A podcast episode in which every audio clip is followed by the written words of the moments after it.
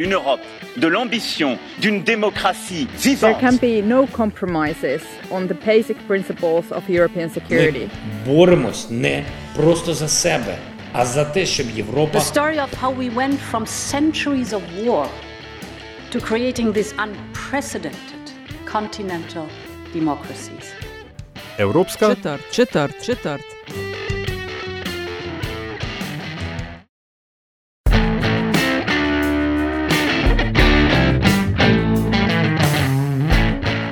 Are listening to a podcast on all things European, a podcast we call European Quarter, and is part of Meta's List media network based in uh, Slovenia. My name is Nataša Briški, and I am one half of the podcast team. And my name is Aljaž Pengov Bitenc, and I comprise the other half of the team. You'll find this podcast at metinalista.si, your favorite podcast streaming service and or podcast streaming application, and a fresh episode will be in your box as soon as it becomes available. So, we, Aljaž, are going to talk about gender equality and climate change in this episode, how these two are connected, why we need to talk about gender equality when we speak about climate change, and vice versa. And uh, we have a very knowledgeable guest with us. Uh, please do introduce her. That's very, uh, very true, Nataša. Our guest is Dr. Aubrey Paris, policy advisor on gender, climate change, and innovation in the Secretary's Office of the Global Women's Issues at the U.S. Department of State. Dr. Paris, welcome to the podcast. Thank you so much for having me. I'm absolutely thrilled to be having this conversation with you today. Now, could you speak for a start just a little bit? Aljaž mentioned uh, what's uh, what kind of an, an advisor you are. Um, what does that mean? What do you do exactly? Mm, it's a big question, isn't it? um, so, absolutely. I am the Gender, Climate Change, and Innovation Policy Advisor in the Office of Global Women's Issues at the State Department. Um, I basically, I guess the shortest way of describing it is work to ensure that climate change, um, its risks and uh, challenges, and also opportunities that can come out of the climate crisis as well, um, that those ideas are intersecting with and integrated into all of our uh, gender policy and programming priorities, as well as making sure that that all of our folks, all of our State de- uh, Department uh, colleagues who are working on various aspects of climate change are thinking about gender equity and equality in their work as well. Um, I know we can we can get into describing why that's so important in, in just a few minutes, but I think in short we see empowering women and girls as agents of change and leaders in addressing the climate crisis as a really important strategic priority, as well as it being the right thing to do. To start with a very basic question, but, si- but since uh, most of our listeners are uh, non native English speakers, the difference between equity and equality and how it relates to um, gender issues. Sure. Um, I think it's the best way that I can I can describe it is equality, gender equality is the state that where we the state where we want to get to, where um, all genders are afforded with equal rights and protections and opportunities. Um, and equity describes steps that we can take to ensure that we get to the state of equality. So recognizing where for example, women and girls might need um, or benefit from special opportunities and programming, for instance, from the US government perspective, foreign assistance programming, um, to help them reach an equal status of opportunity um, and, and, and protection and rights. Mm, could you speak a bit um, so we can start with that um, in your view or actually also what the research shows the analysis what's the impact of climate change on men and women? Is it like there any difference? Is just the impact uh, that we refer like the people of of the planet earth or are there any differences? Oh how much time do you have? There are this this could be a very long conversation um, but i'll do my best to keep it to keep it brief. Um, there are differences in the way women and girls are experiencing climate change and its impacts around the world compared to to men and boys. And it's also worth uh, pointing out that that gender diverse persons also tend to suffer from some of these disproportionate impacts. Uh, so, for example, um, natural resource availability is a really important component of understanding the nexus of gender and climate change because in many parts of the world, women and girls have certain traditional roles and responsibilities um, that are associated with, say, growing or procuring food for themselves and their families, or collecting water every single day for their families. And as it becomes more difficult to grow food, as water becomes more scarce, um, these roles and responsibilities are impacted.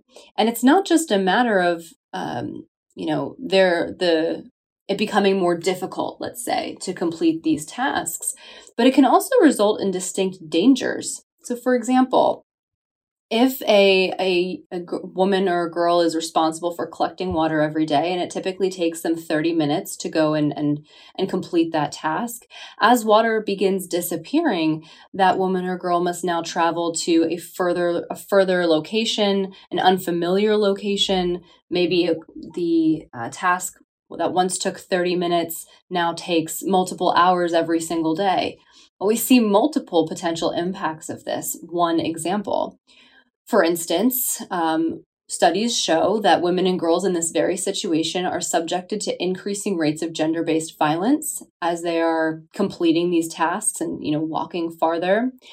Um, we see that increased rates of, of domestic violence and intimate partner violence uh, have occurred when women and girls are not seen as being able to complete these traditional roles and responsibilities uh, from the perspective of their family members. Um, we also see that as natural resources degrade and as things become more expensive, um, rates of child early and forced marriages increase because families feel the need to reduce the, the financial pressure in these situations, and that distinctly impacts girls and young women. Uh, these are just a few examples. I, I could keep going. You know, there's there's mm-hmm. intersections with with uh, migration, with conflict scenarios, um, with loss of um, healthcare services, loss of education and livelihood opportunities that all have distinct impacts for women and girls. Um, and so that's how I would say that the impacts are laid out. I'm sure we'll get to the opportunities later. Uh, it is often said that um, societal change often or almost always happens uh, at the expense of the group which wields the least mm. power, be it in terms of political power, economic power, what have you. Uh, I assume this is one of those cases? Yeah, I think that's a, really astute observation. Um, yes, it, it, turns out that um, many decision makers, many climate negotiators, um, they are still men and um, I think it's really important to recognize a diversity of perspective and the perspectives of the populations that are impacted the most severely need to be at the decision making table, whether it be at local, regional, national, or international levels, to make sure that um, decisions are reflective of the entire population. Mm. Um, since most decision makers, as you're saying, are men, uh, I would observe or say that most activists um, are, on the other hand, women. Um, and we are living in a times when the question of leadership and climate action is uh, is very important. So, how do you, th- where do you see the opportunity? How should we work together and not divide ourselves like women this men that and and vice versa well you're exactly right in that we see a lot of um, activists and nonprofit leaders and ngos um, active in the climate and environmental space do tend to be often are women and girls um, and their leadership in these spheres is very important, but we like to say their leadership shouldn't be confined to these spheres. It's important to empower women and girls in climate action and leadership in all sectors and at all levels. So, like I mentioned before, local, regional, national, international levels, but also um, thinking about government bodies, multilateral forums, um, private sector, entrepreneurial endeavors, and yes, NGOs and, and grassroots and nonprofit organizations. We think it's so important to empower women and girls as change agents and leaders in this space because Well, in, in many parts of the world, women and girls are some of the first to notice when climate impacts are happening, almost serving as an early warning system. And also, because of their relationships with their families and their communities, many women and girls are, are likely to know what types of solutions are going to be most effective, most accepted. Um, by their own families and communities. And a solution is only as effective as its implementation. Uh, so that's, I would say, a, a really big and important part of this. There's also recognizing the fact that um, the climate crisis, for as many challenges as it poses, we're also seeing it result in a, a shift in the private sector, uh, such that sectors are trying to become more sustainable. And this is opening up a lot of job and entrepreneurial opportunities. And we want to make sure that women and um, women have the opportunities to participate in and lead in those sectors as they develop out for their own economic security. Um, I was going to ask you about uh, mitigation approaches uh, uh, to, to, these challenges. So, if I understand you correctly, there is a, uh, and I apologize for uh, using this old cliche expression, but uh, in every problem there is an opportunity. It, the question is, can we use this opportunity? Yeah, absolutely. I mean, I'll give you just one example of how um, the United States sees this. In, in January of this year, January 2023, the US government released its first global strategy on women's economic security. And underlying all of the goals about entrepreneurship and and um, and various economies in that strategy, climate change is identified as not just a, a, barrier to implementation, but an opportunity in that strategy as well. And that's something we're going to be working towards in all of our efforts, um, both in my office and throughout the, the entire State Department and US government. So there's absolutely an opportunity here. And we have to be proactive about it because we've seen in the past with um, you know educational and, and job opportunities in science, technology, engineering, and math when we were not proactive about ensuring women and girls' participation, their participation started occurring at lower rates. It's why we have so many women in science programs today, which are so important. And and I think it's fair to, to predict that if we're not proactive in this sort of women in climate innovation, women in climate entrepreneurship, women in the green economies type of space, we can't expect that their leadership is, is just going to happen because they face so many systemic and, and cultural barriers to their inclusion. Mm. Um, decades ago, it uh, was hard to find a politician to declare him or herself to be a feminist.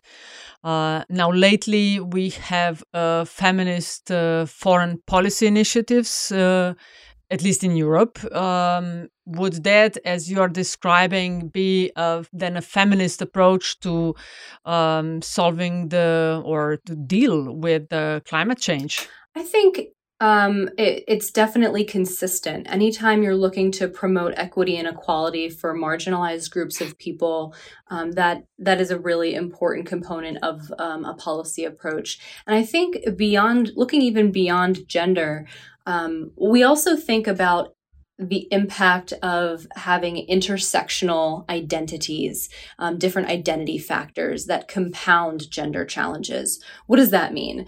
Um, well, we look at identity factors such as racial or ethnic identity, indigenous status, um, living in a rural location, disability status, and, and so many other forms of identity that can make the challenges felt by a crisis scenario like climate change even more extreme. And so it's particularly important, I think, in this, in this context of equity and equality to recognize that one solution will not typically fit all because, you know, there are people who are experiencing these challenges with multiple layers um, based on these identity factors. Uh, but if one solution will not fit all, um, surely there are at least, let's say, common ingredients when then which are applied in the, different levels in different scenarios what are the uh, let's say main tools with which uh, one can address uh, uh,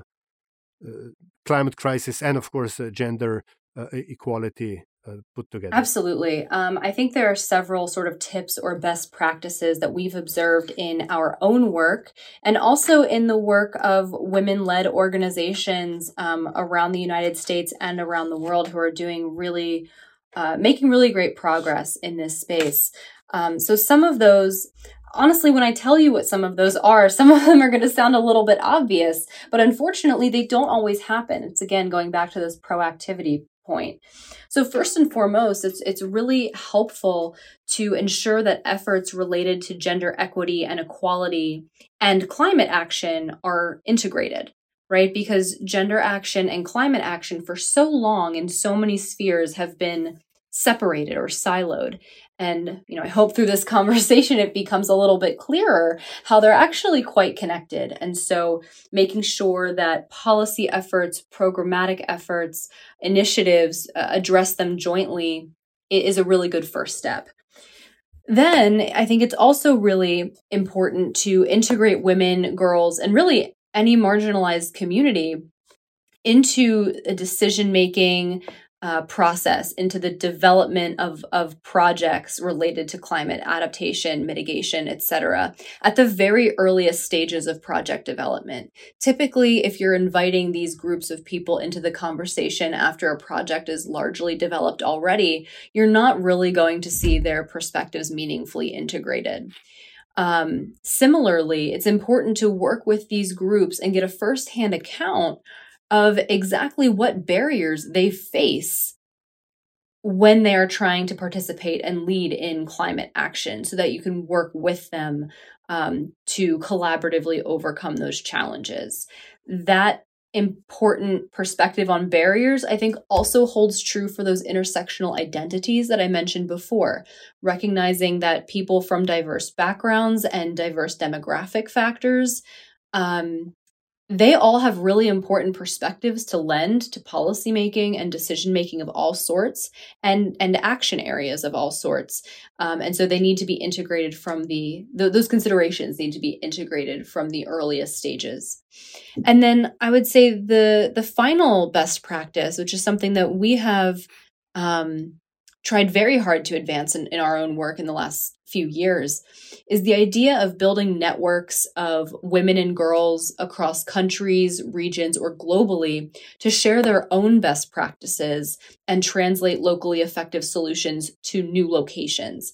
And this is, I think, really important because climate change does not respect borders and therefore similar, or I should say, um, sometimes very geographically um, distinct or distant locations will occasionally be facing very similar climate challenges. And so, solutions that are active or effective in one location might be able to teach us something for those other locations as well.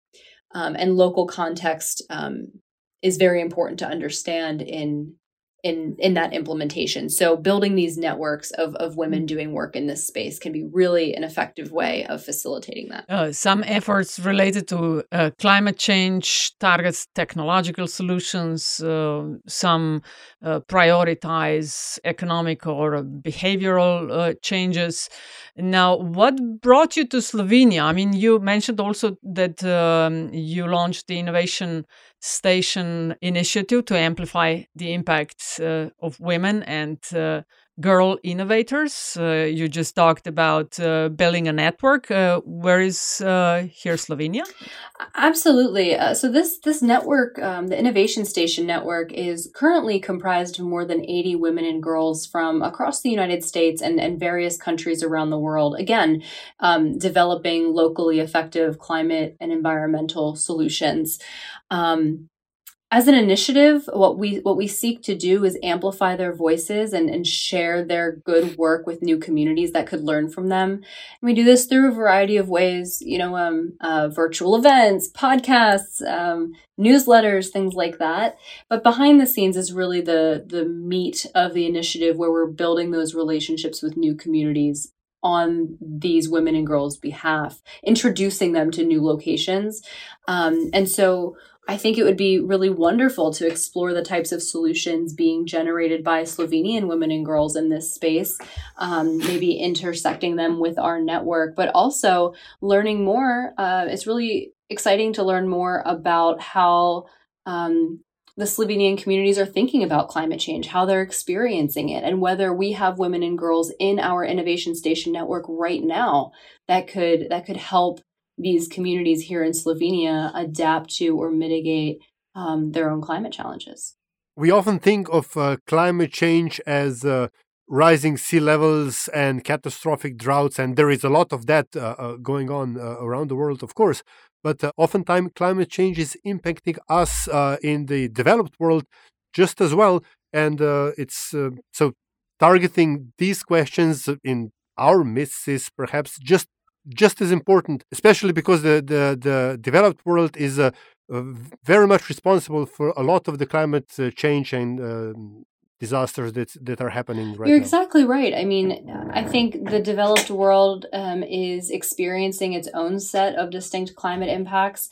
You know, I can speak from the from the U.S. perspective and say we are no stranger to wildfires. We are no stranger to sea level rise and coastal erosion we are no stranger to to extreme storms and hurricanes that are absolutely devastating and the floods that, that they leave in their wake. Um, so so this is absolutely a problem for for communities in the developed and developing worlds alike. But something you said um, is actually really important to point out and i think it's the the role of developed countries alongside the rest of the world of course in transitioning to cleaner energy strategies. And I know that's a really important topic in Slovenia right now. Um, and and this is another place where I think it's important to think of opportunities and proactivity for women um, and for for girls in who are interested in studying scientific fields. And that's because right now in the year 2023, we really do not have even close to gender parity in the renewable energy sector. Right now, only 32% of renewable energy sector workers are women. And this is a, a much newer sector, right? Where, where gender roles and responsibilities are theoretically far less entrenched. But we're still so far from, from a situation where we have equal representation, and even farther from a situation where we have equal representation in the leadership of energy companies. It's at, you know, I think one in five women, uh, Sorry, I'm going to say that again. I think it's it's one in five uh, leaders and, and board members of, of energy related companies are are women. So that's that is a really low percentage, and women need to be. This is another area where women need to have decision making um, and policy making opportunity. Um, I would also note that I know in, in Europe, for example, as, as is the case in many countries, women are really important consumers of energy in household contexts, as um, workers in public institutions, and as owners of small and medium sized businesses. And so this means that they as, as, primary consumers, they absolutely have to be part of the conversation of switching to, to more renewable and to cleaner energy sources. And simultaneously, making sure they have affordable access to efficient energy systems is necessary for their own economic security and that of their families. So it's it's really a giant feedback loop. If you if you haven't noticed, you know we we keep coming back to some of the same mm. points, and they're all really woven together here. So uh, you're actually, I mean, if I, if I understand you correctly, we are again as a society in danger of uh, men opening up a um, prospective and profitable new industry for themselves and uh, letting women and uh, disprivileged groups to uh, clean up after them and possibly take the blame? Well, I think it is at least, yeah, I think it's at least fair to say that um, women are not currently at the decision making table in adequate numbers to represent their viewpoints. Um, in these conversations about a renewable energy transition. That being said, I do want to take this opportunity to underscore the importance of men and boys in this conversation about gender equity and equality and climate change because for as long as men are in these decision making roles, their allyship and their support for women um, and women's equality, um, gender equality in these spaces is critically important because they're the ones who can help make change faster. Um, so, so it's very important for men and boys to be engaged in this conversation too. Interestingly, uh, in short, uh, still so far away and so much more to do. Always, always plenty of work to be done. Absolutely. Dear uh, Aubrey Paris, thank you very much for being a guest uh, of a podcast European Quarter. Thank you so much for having me. This has been uh, really a pleasure to be with you today. This was an episode of uh, the European Quarter, and we'll continue our conversation on all things European soon. And as always, thank you for uh, tuning in, and until next time, watch this space.